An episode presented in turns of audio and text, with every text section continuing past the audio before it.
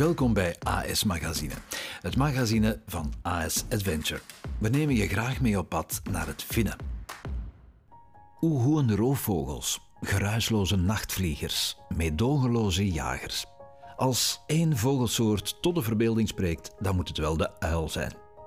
Maar komen deze meesters in de camouflage bij ons nog wel voor in het wild? Of zijn ze tegenwoordig eerder zeldzaam?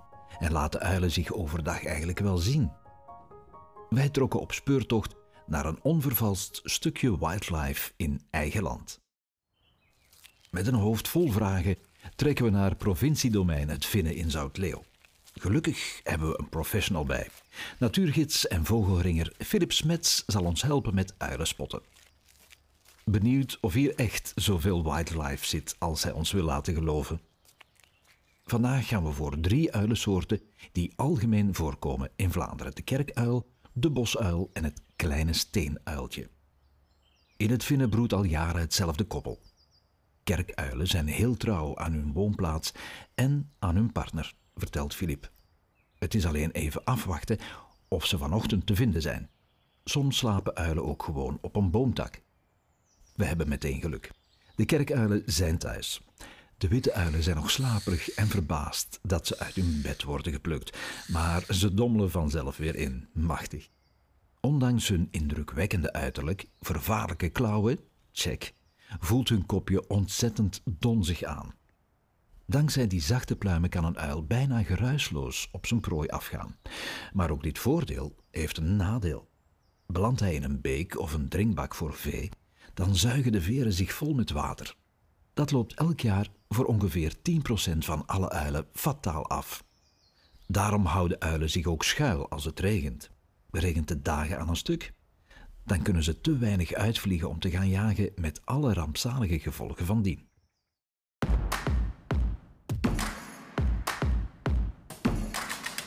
Herken de kerkuil. Kerkuilen herken je aan hun witte, hartvormige kop.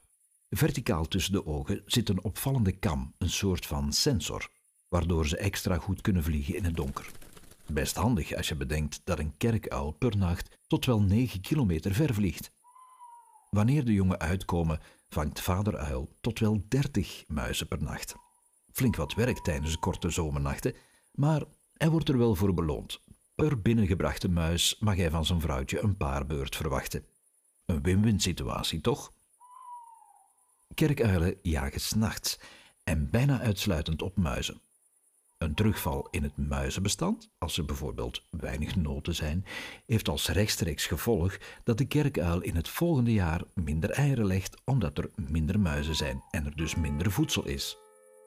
Tijdens een mastjaar, waarin bomen extra veel noten produceren, gaat het aantal eieren per broedsel dan weer omhoog. Zo zie je maar weer, alles in de natuur is met elkaar verbonden. Tussen de jaren 60 en 80 van de vorige eeuw werden veel gaten in de kerktorens en oude hoeves dichtgestopt om duiven weg te houden. Plots waren de kerkuilen ook hun broedplaatsen kwijt. Gelukkig hingen een heleboel vrijwilligers van de kerkuilwerkgroep toen nestkasten op in Vlaanderen. Dankzij hun acties werd onze kerkuilenpopulatie gered.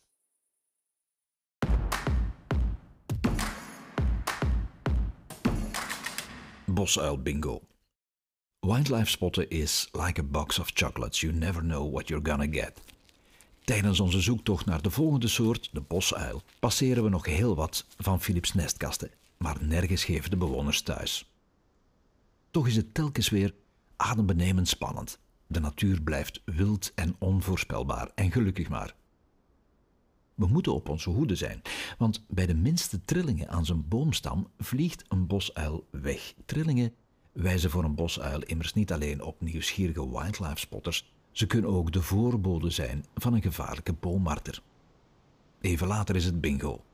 Filip ontdekt een grote bosuil. Wat een imposant beest. In tegenstelling tot kerkuilen zijn bosuilen alleseters. Ook qua habitat zijn ze niet kieskeurig, zolang het bos maar gevarieerd is en er genoeg te eten valt. Vogels, kikkers, muizen, kevers en regenwormen. Een bosuil vliegt maar 1 tot 2 kilometer ver per nacht, veel minder ver dan een kerkuil dus. Wat erin gaat, komt er ook weer uit. Een uil produceert ongeveer één of twee braakballen per 24 uur. In zo'n braakbal zitten alle niet verteerbare onderdelen van zijn prooi: schedels, botjes, haren. Aan de vorm zie je van welke soort hij komt. Een kerkuil levert pluizige, losse braakballen met veel schedels van muizen, soms ook van een rat of een mol. De braakballen van de steenuil zijn kleiner en vaster van structuur. Je ziet de dekschildjes van kevers erin blinken.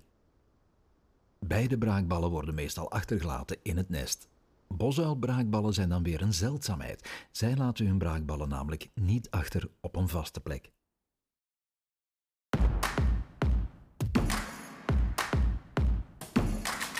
Schattige steenuiltjes. Na de indrukwekkende bosuil gaan we nog op zoek naar de laatste soort, het steenuiltje. Van nature is dat een echte holenbroeder. Een vogel die zijn hol in een boom maakt. Maar er is een probleem. Waar vroeger koeien buiten graasden, gaan ze nu op stal en hun lege weiland ruimt plaats voor maïsvelden. Gevolg, de steenuilen verliezen massaal hun habitat.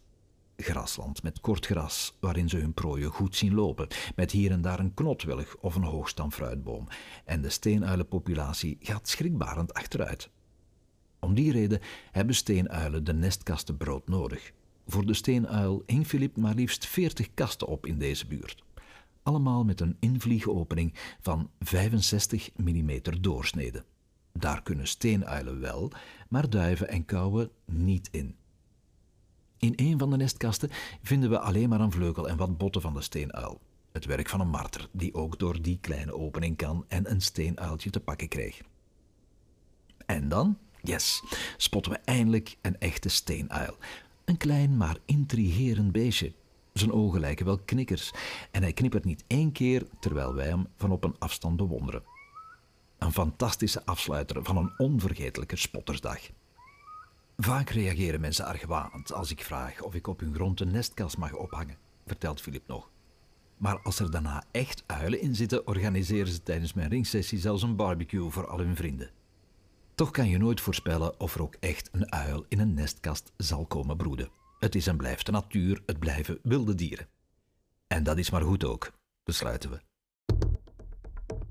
Benieuwd naar meer verhalen? Lees dan meer op AS Magazine. Adventure. Adventure is everywhere.